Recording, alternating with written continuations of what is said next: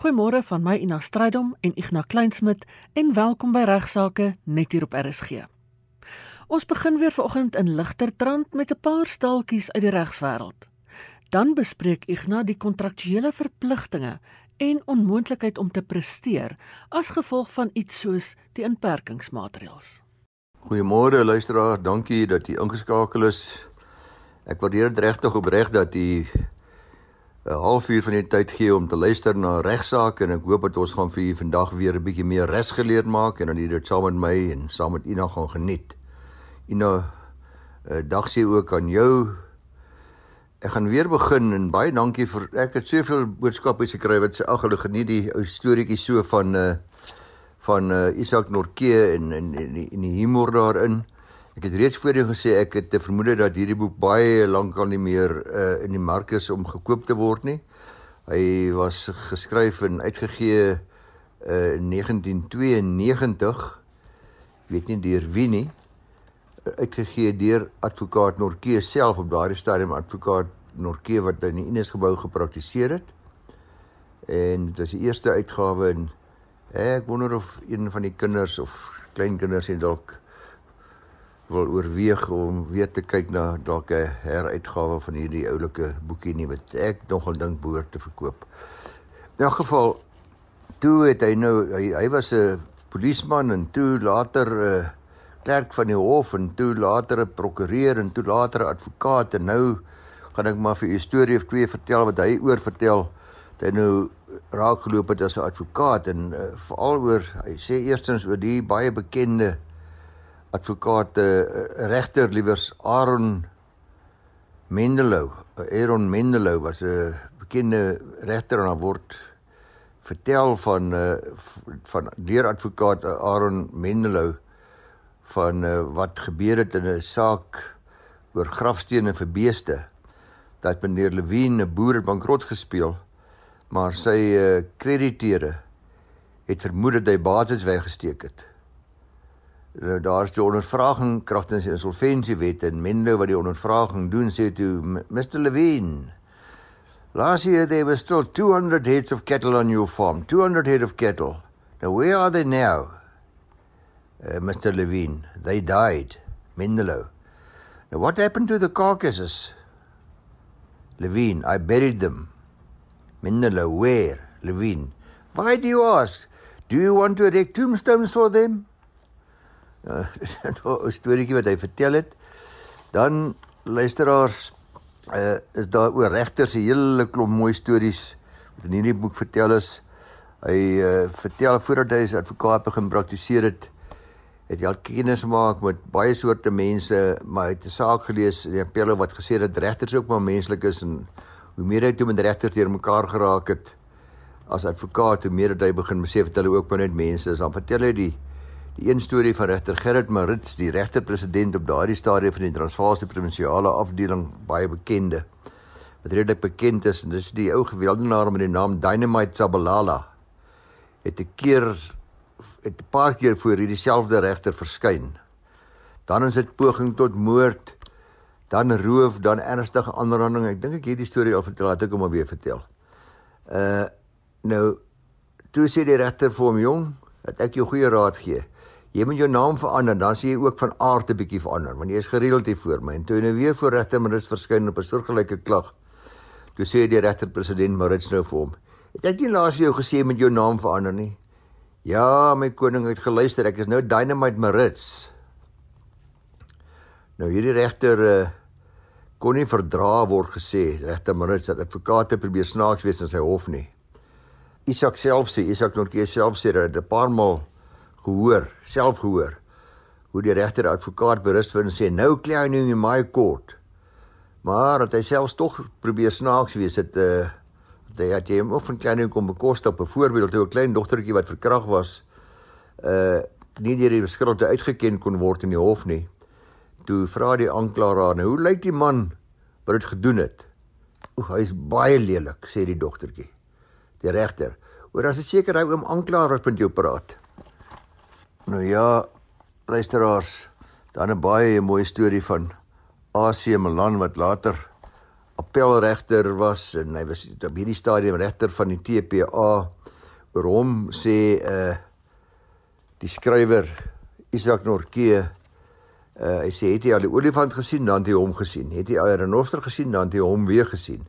Het jy al 'n kruis tussen hierdie twee gesien? Dan het jy hom amper weer gesien hy was groot van gestalte dis nou regter Milan AC Milan hy het 'n baie kwaai voorkoms gehad met oë wat baie klein voorgekom het tussen al die omringende plooie hy was wel sprekend nou beide lande staar dog het Engels verkies nou kollega Frans de Tooi lei die getuienis in 'n onbestrede egskeiding.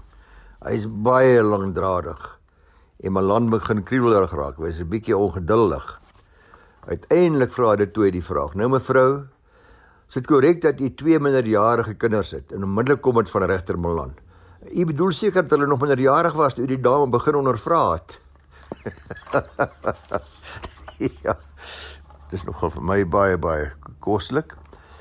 Nou met sy ken hoog in die lug staar Malan deur die venster terwyl Attie van der Spy hom aanspreek, ook 'n baie bekende die Attie van der Spy. Naderhand sê Attie: "I notice that your lordship has not once looked in my direction ever since I started addressing your lordship." Regter Malan: "Mr van der Spy, I am in duty bound to listen to you. However, the government had not inflicted upon me the further punishment of having to look at you. 'n Luisteraar het 'n vraag ingestuur uh wat gehandel het met die gevolge van 'n troue wat as gevolg van COVID-19 uitgestel word. Uh, ek het ongelukkig die brief weer lê, maar ek onthou dat in hierdie geval het jy het 'n reeds die fotograaf betaal of die lokaal die blomme en die spyseniers. En stel jouself nou voor, die donderdag aan voor jou trounaweek, dan bepaal president Ramaphosa dat geen troues vir die volgende 4 weke mag plaasvind nie of? Nou ek sal vir luisteraars die voordeel van die twyfel gee en uh, ek wil graag aanvaar dat ons almal pligsgetroue burgers is, almal van ons wat luisters en uh, dat ons nie met troue sal voortgaan as die president gesê het mense mag nie by mekaar kom nie. Dit was nou toe toe dit toe lockdown nog bietjie erg was. En mag jy nou byvoorbeeld jou geld terughys vanaf die fotograaf? Want die luisteraar in hierdie geval het 'n ernstige probleem met die fotograaf gehad. Of moet jy op 'n alternatiewe naweek akkommodeer? Wat as die fotograaf vir die volgende 12 maande sê jammer, hy is nie hy het nie meer oop naweek nie. Hy kan jou nie akkommodeer nie. Hy gaan nie. En hy weier ook om enigstens sy geld terug te gee. Nou ek vermoed Luisteraars is altyd in hierdie tyd soos ek en soos almal maar al baie moeg vir die begrippe force majeure, oormag, supervening impossibility en al daai dinge wat gepaard gegaan het met COVID. Baie hofsaake daaroor, baie in die in die pers daaroor. Veral by hieroor inkomste en so voort. Dit bly egter relevant vir alle vrae rakende die kontraktuele verpligtinge en die onmoontlikheid om te presteer as gevolg van iets soos COVID en dan die regulasies en die inperkings wat dikwels daartoe lei dat dit onmoontlik is om prestasie na te kom met op 'n vorige situasie voor die inperkings en voor die regulasies onderneem het. In leuke terme stel beide hierdie begrippe die force majeure, die oormag en die die supervening impossibility stel 'n situasie voor waar dit vir vir die partye onmoontlik geraak het om in gevolge uit die kontrak te presteer as gevolg van 'n onvoorsienbare gebeurtenis. Baie duidelike, klinkklare voorbeeld van so 'n gebeurtenis is reeds die inperkingsregulasies as gevolg van COVID. As jy iemand was wat in 2019 jou troue beplan het, is ek seker daarvan dat jy dat nie jy of jou fotograaf die moontlikheid voorsien het dat jy in 2020 beperk sou word oor wanneer jy uit jou huis mag uitgaan en wanneer nie. Die algemene beginsel is dan soos volg: waar dit vir partye onmoontlik geraak het om te presteer in terme van 'n kontrak en die onmoontlikheid onvoorsienbaar was, sal hulle kontraktuele verpligtinge tydelik opgehef word vir die tydperk wat dit nie vir hulle moontlik is om te presteer nie. Jy kan dus nie jou fotograaf aanspreeklik hou vir die kontrakbreek as hy nie by jou troue was nie omdat die inperkingsregulasies hom of haar verbied verbied het om daar te wees nie. Maar belangrik hier is dat die onmoontlikheid objektief moet wees. Met ander woorde, dit moet vir enige iemand in die fotografiese posisie onmoontlik gewees het om te presteer. Dit duidelik dat hierdie regulasies almal ingepak het, nie net die fotograaf nie. En dat dit gevolglik vir enige enige fotograaf onmoontlik sou wees om die troue in die voorbeeld wat ek gegee het by te woon. Indien die fotograaf egter nie by die troue kon wees nie as gevolg van 'n papwiel, dan sou dit iets anders wees. Dan kan mens praat dalk van wanprestasie wat nie verskoon kan word as gevolg van 'n moontlikheid nie want hy kon 'n ander plan gemaak het. Hy kon uh, gery loop het of wat ook al of geskakel het en 'n bietjie later daar gewees het. Want uh, dan miskien uh, is die vraag of dit subjektief vir die betrokke fotograaf onmoontlik sou wees om te presteer. 4 weke later word die inperkings weer opgehef en nou mag jy troue voortgaan in ons voorbeeld nou. Goed, vir 4 weke was dit vir niemand moontlik om hierdie troue te hou en vir die fotograaf ook nie. En die algemene beginsel het ek reeds vir gesê waar vir die partye onmoontlik geraak het om te presteer en die moontlikheid onvoorsienbaar was, sal hulle kontraktuele verpligtinge tydelik opgehef word vir die tydperk wat hulle nie kon presteer nie. Nou gaan die 4 weke verby, waar kom nuwe inperkingsregulasies word opgehef en nou mag die troue voortgaan. Jou fotograaf soos in die luisteraar se geval weier nou om jou te help op 'n naweek wat jou pas en weier ook om jou geld terug te betaal. Die kontrak eh, die fotograaf beweer sy kontrak is waterdig. Dit het 'n sogenaamde non-refundable deposit klousule wat bepaal dat 'n deposito nooit op geen omstandighede terugbetaalbaar is nie. Wat nou gemaak? Nou luisteraars, 'n goeie nuus vir ons luisteraar en vir ander luisteraars uh, wat dalk in dieselfde struik getrap het. Die wet op strafbedinge wet 15 van 1962 bepaal baie duidelik dat waar die bedrag wat die skuldeiser wil terughou in die geval soos in die geval van die fotograaf 'n uh, eh, buite verhouding is tot die nadeel wat hy ly, mag gehof onder omstandighede wat hy billik af die bedrag verminder. Met ander woorde die bedrag wat die fotograaf geregtig is om terug te hou, kan deur hof beperk word tot die werklike skade. Ten spyte daarvan dat die kontrak bepaal dat die volle bedrag teruggehou mag word. In die fotograaf se geval dus en nie net beweer dat jy nie kan help nie want hy of sy vol geboek is, blyk dit dus daar gaan nie werklik skade kan wees nie, want uit elke naweek inkomste. So hy sal nie kan bewys hy het skade nie en hy verloor dus nie jou inkomste nie en ly daarom nie skade nie en daarom is die volle deposito terugbetaalbaar. As mens kyk na wat die wet op strafbedinge bepaal. Indien die fotograaf en dit lyk vir in hierdie geval nogal is 'n hardkoppige fotograaf. Indien hy egter bloot weier om te help omdat hy by kontrak bewoording wil steun wat bepaal dat hy die geld mag hou, dan dink ek is hy besig om homself aan kontrakbeet skuldig te maak en die feit dat die kontrak dan nie meer kan voortgaan nie, het dus niks te maak met die aanvanklike onmoontlikheid nie, maar alles te maak met sy onbillike gesindheid. Onthou nou net wat ons gesê het, die verpligting om te presteer word net opgehef vir die tydperk wat dit onmoontlik is om te presteer. Daarna moet die partye weer uitvoering gee aan die kontrak. In regsterme sal die fotograaf dis die kontrak repudieer indien hy weier om te presteer soos in hierdie geval. Die deposito kan dan terugeis word deur middel van 'n kontraktuele eis in 'n hof. Luisteraars moet in gedagte hou dat 'n kontrak spesifieke terme en voorwaardes kan bevat vir gevalle wanneer dit onmoontlik raak om te presteer en die bewoording van elke kontrak moet dan in sulke gevalle streng nagekom word. Dit bly daarom altyd stap 1 om die betrokke kontrak waaroor die dispuut gaan behoorlik te raadpleeg. U word maar soos ek altyd aanbeveel gevra maar liewer sy advies van 'n kundige regsgeleerde in te win ons ook sien dat altyd bykans uitsonderings op algemene regsbeginsels is om ons luisteraars se vrae te beantwoord as hierdie fotograaf so onbillik is dat hy nie 'n volgende troue wat binne die volgende jaar gehou word uh wil bywoon nie, dan sal hy hom dagvaar en die woord te slaag met die eis teen hierdie onbillike fotograaf. Gaan sien gerus 'n prokureur. Ek nou beantwoord nou eerstens 'n vraag oor mede-eienaarskap van eiendom en vererwing en die oordrag van bates aan erfgename voor die erflater te sterwe kom. Iemand vra, ek sien jou, as wil nie anoniem bly nie, Lee. Sy sê luister baie graag na die program. Ek wil net weet, ek het 'n huis wat ek uitvuur. Aangesien ek net een kind het en sy in Australië woon, sou dit dalk 'n goeie idee wees om haar nou al mede-eienaar van die huis van my eiendom te maak. Indien wel en ek afsterf, word sy dan outomaties alleen eienaar? Ek hoor daar staan so groot gemors aan met die meesterkantoor. Dit het my laat dink. Ek is ook al bejaard 70 en probeer maar saakies nou al in orde kry. Soos my testament tans is, erf sy in elk geval alles.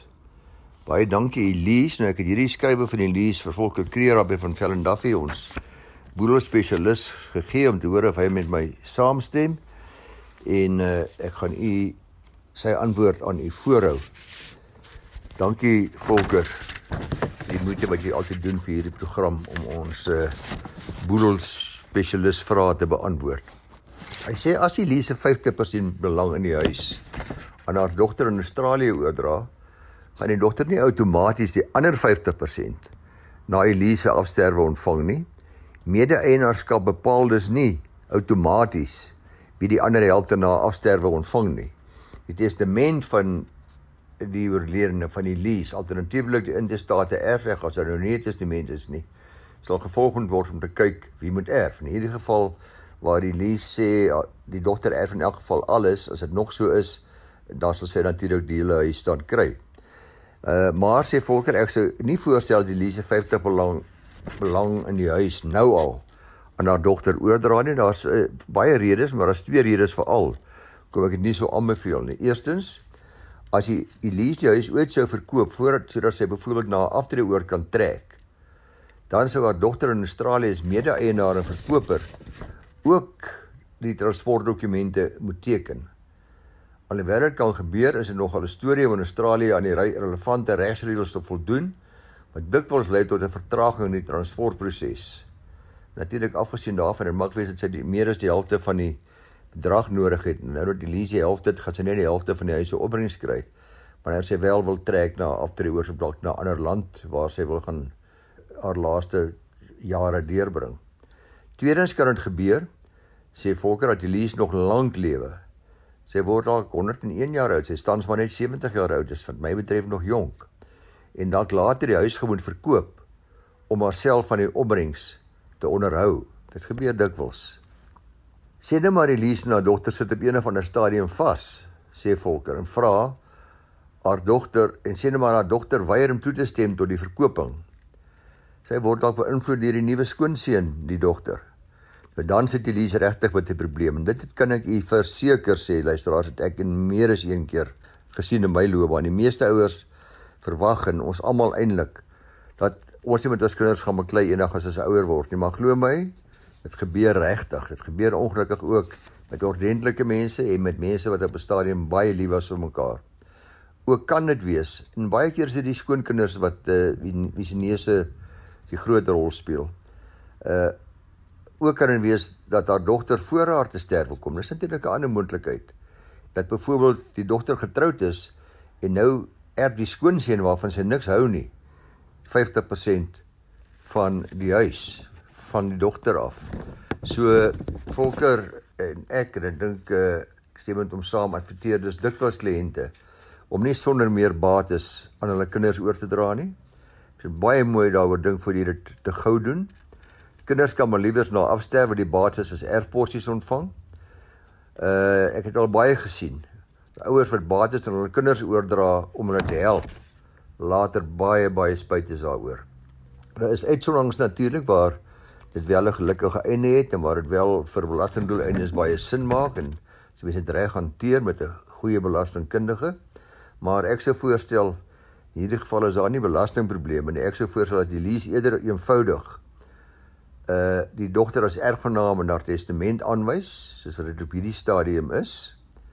Uitgesluit natuurlik enige aanwas of huwelik uh, gesluit binne gemeenskap van goed, daai gewone normale klousule uh, haar dogter kan dan na haar afsterwe besluit of sy die huis gaan hou of gaan verkoop omdat uh, waarskynlik gaan sy dit wil verkoop omdat sy in Australië sit en in Elise in Suid-Afrika en in so 'n geval kan die fondse dan uit Suid-Afrika met gemak na haar dogter in Australië oorgeplaas word. Daar's geen probleem daarmee nie. Dis 'n vraag wat ons ook dikwels kry uh en waarvan alle luisteraars gerus kan kennis neem dat alhoewel daar sekere redelike maklike vereistes is wat nagekom moet word soos reservebank toestemming kan fondse aan erfgename in die buiteland uitbetaal word. En ten slotte vandag, hoe werk beslaglegging? Igna verduidelik. Dit keer kry ek seker lekker kort vrae. Dink hierdie is waarskynlik een van die kortste wat ek nog gekry het. Daar staan net hoe werk 'n beslaglegging nou eintlik anoniem? Ja, ek weet nie presies wat anoniem wil weet nie, maar ek gaan so 'n paar gedagtes met julle almal deel oor beslaglegging wat ek hoop van nut gaan wees vir al ons luisteraars. Want 'n beslaglegging soos jy weet kom net ter sprake uh wanneer 'n eiser 'n vonnis het in 'n siviele aangeleentheid teen iemand anderste teen die verweerder. Dit beteken dan dat die eiser kan dan 'n lasbrief vir eksekusie uh uitreik. Hy maak die lasbrief vir eksekusie gaan na Balje toe en die lasbrief word dan op die verweerder beteken. Hierdie lasbrief bevat dan besonderhede van die vonnis, byvoorbeeld die bedrag, die rente wat betaalbaar is, die koste tot, op daai stadium, as ook natuurlik die woonadres van die persoon teen wie die vonnis verkry is. Soms is dit net 'n besigheidsadres en nou gaan die Balje dis nou hierdie lasbrief van sy hand kry om te gaan uitvoer. Dis deel van tydjie die belief van die landroshof en soms die belief van die hogereshof afhangende van die eisbedrag en die jurisdiksie wat ter sprake is. Om 'n voorbeeld te gebruik wanneer 'n huurder byvoorbeeld versuim om sy huur te betaal, uh soos verskillig in terme van die ooreenkoms kan die verhuurder nou regstappe neem, hy 'n dagvaarding uit om die bedrag te verhaal en wanneer hy dan nou vonnis in sy guns skryf, maak die hof 'n bevel dat die bedrag onmiddellik betaalbaar word. Die lasbrief word aan die balie gestuur. Die balie vat hierdie lasbrief. Hy sal dan na die verweerder toe gaan. Sê meneer, ek is die balie. U moet 10000 rand plus hierdie rente en hierdie koste betaal. Uh en moet asseblief hierdie lasbrief bevredig. As jy dit nie bevredig nie, dan sal ek ongelukkig beslag moet lê. Dis nou waar die beslaglegging inkom op u bates.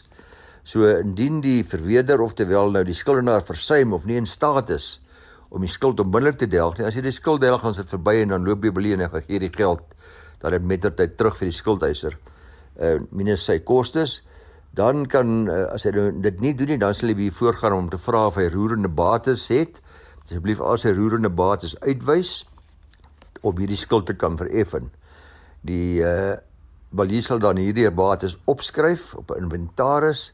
Sê ja, wel het 'n TV, het sekere motors, uh het 'n uh, byvoorbeeld 'n baie duur horlosie. Uh ag en soke mense gaan al die roerende bates sal hy opskryf en vir die skuldenaar dan sê meneer ek gaan hier op beslag lê. Dikwels sal hy dit nie onmiddellik verwyder nie. In die geval van die Hogeregshof moet die balie dit onmiddellik verwyder. En in die geval van die Landdroshof kan jy dit hoef jy dit nie dadelik het jy nie 'n plig om dit onmiddellik te verwyder nie kan jy dit eers later gaan verwyder.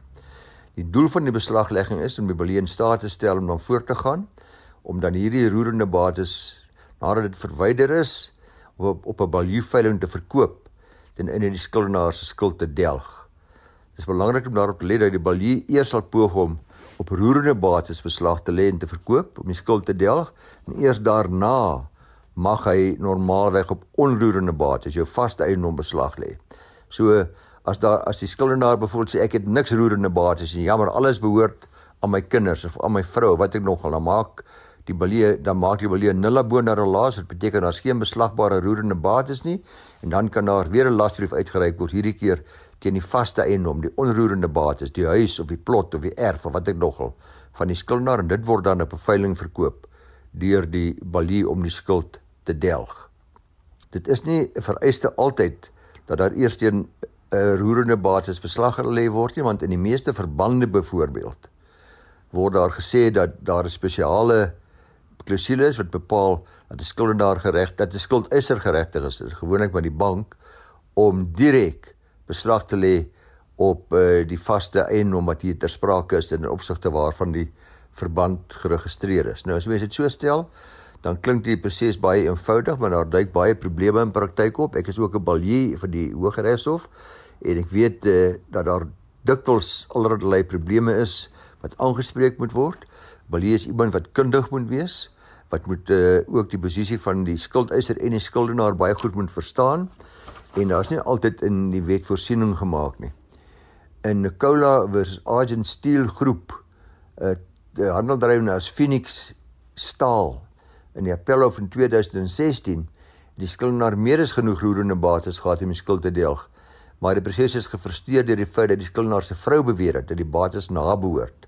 Nou ja, dan kan mens gewoonlik 'n tussenpleit geding instel en dan sal die hof dan uh, getuienis aanhoor en dan sal die persoon wat moet beweer dat dit sy of haar bates is, moet bewys dat dit inderdaad so is. So luisteraars, ja. Mens kan ook beslag lê op goed wat mense nie kan sien nie. Jy kan beslag lê byvoorbeeld op 'n persoon se aandele in 'n maatskappy of in 'n beslote koöperasie. Dit kan dan ook verkoop word. Jy kan ook beslag lê op 'n persoon se regtitel en belang in 'n bankrekening. Aan die ander wyse ek het 'n miljoen rand in die bank, eh, maar jy ek sê dis jy kan nie daar beslag lê. Ek sê meneer, ek kan. Ek reis beslag jou regtitel in die bank. Die bank uh, kry daarvan kennis en daai bedrag in die bank word bevries en dit kan dan inderdaad verkoop word ook op 'n veiling. Net so kan ek beslag lê op 'n regtitel en belang in 'n skuldenaar se vorderingsreg teen 'n ander persoon. So die skuldenaar sê maar Pietie skuld hom eintlik R10000.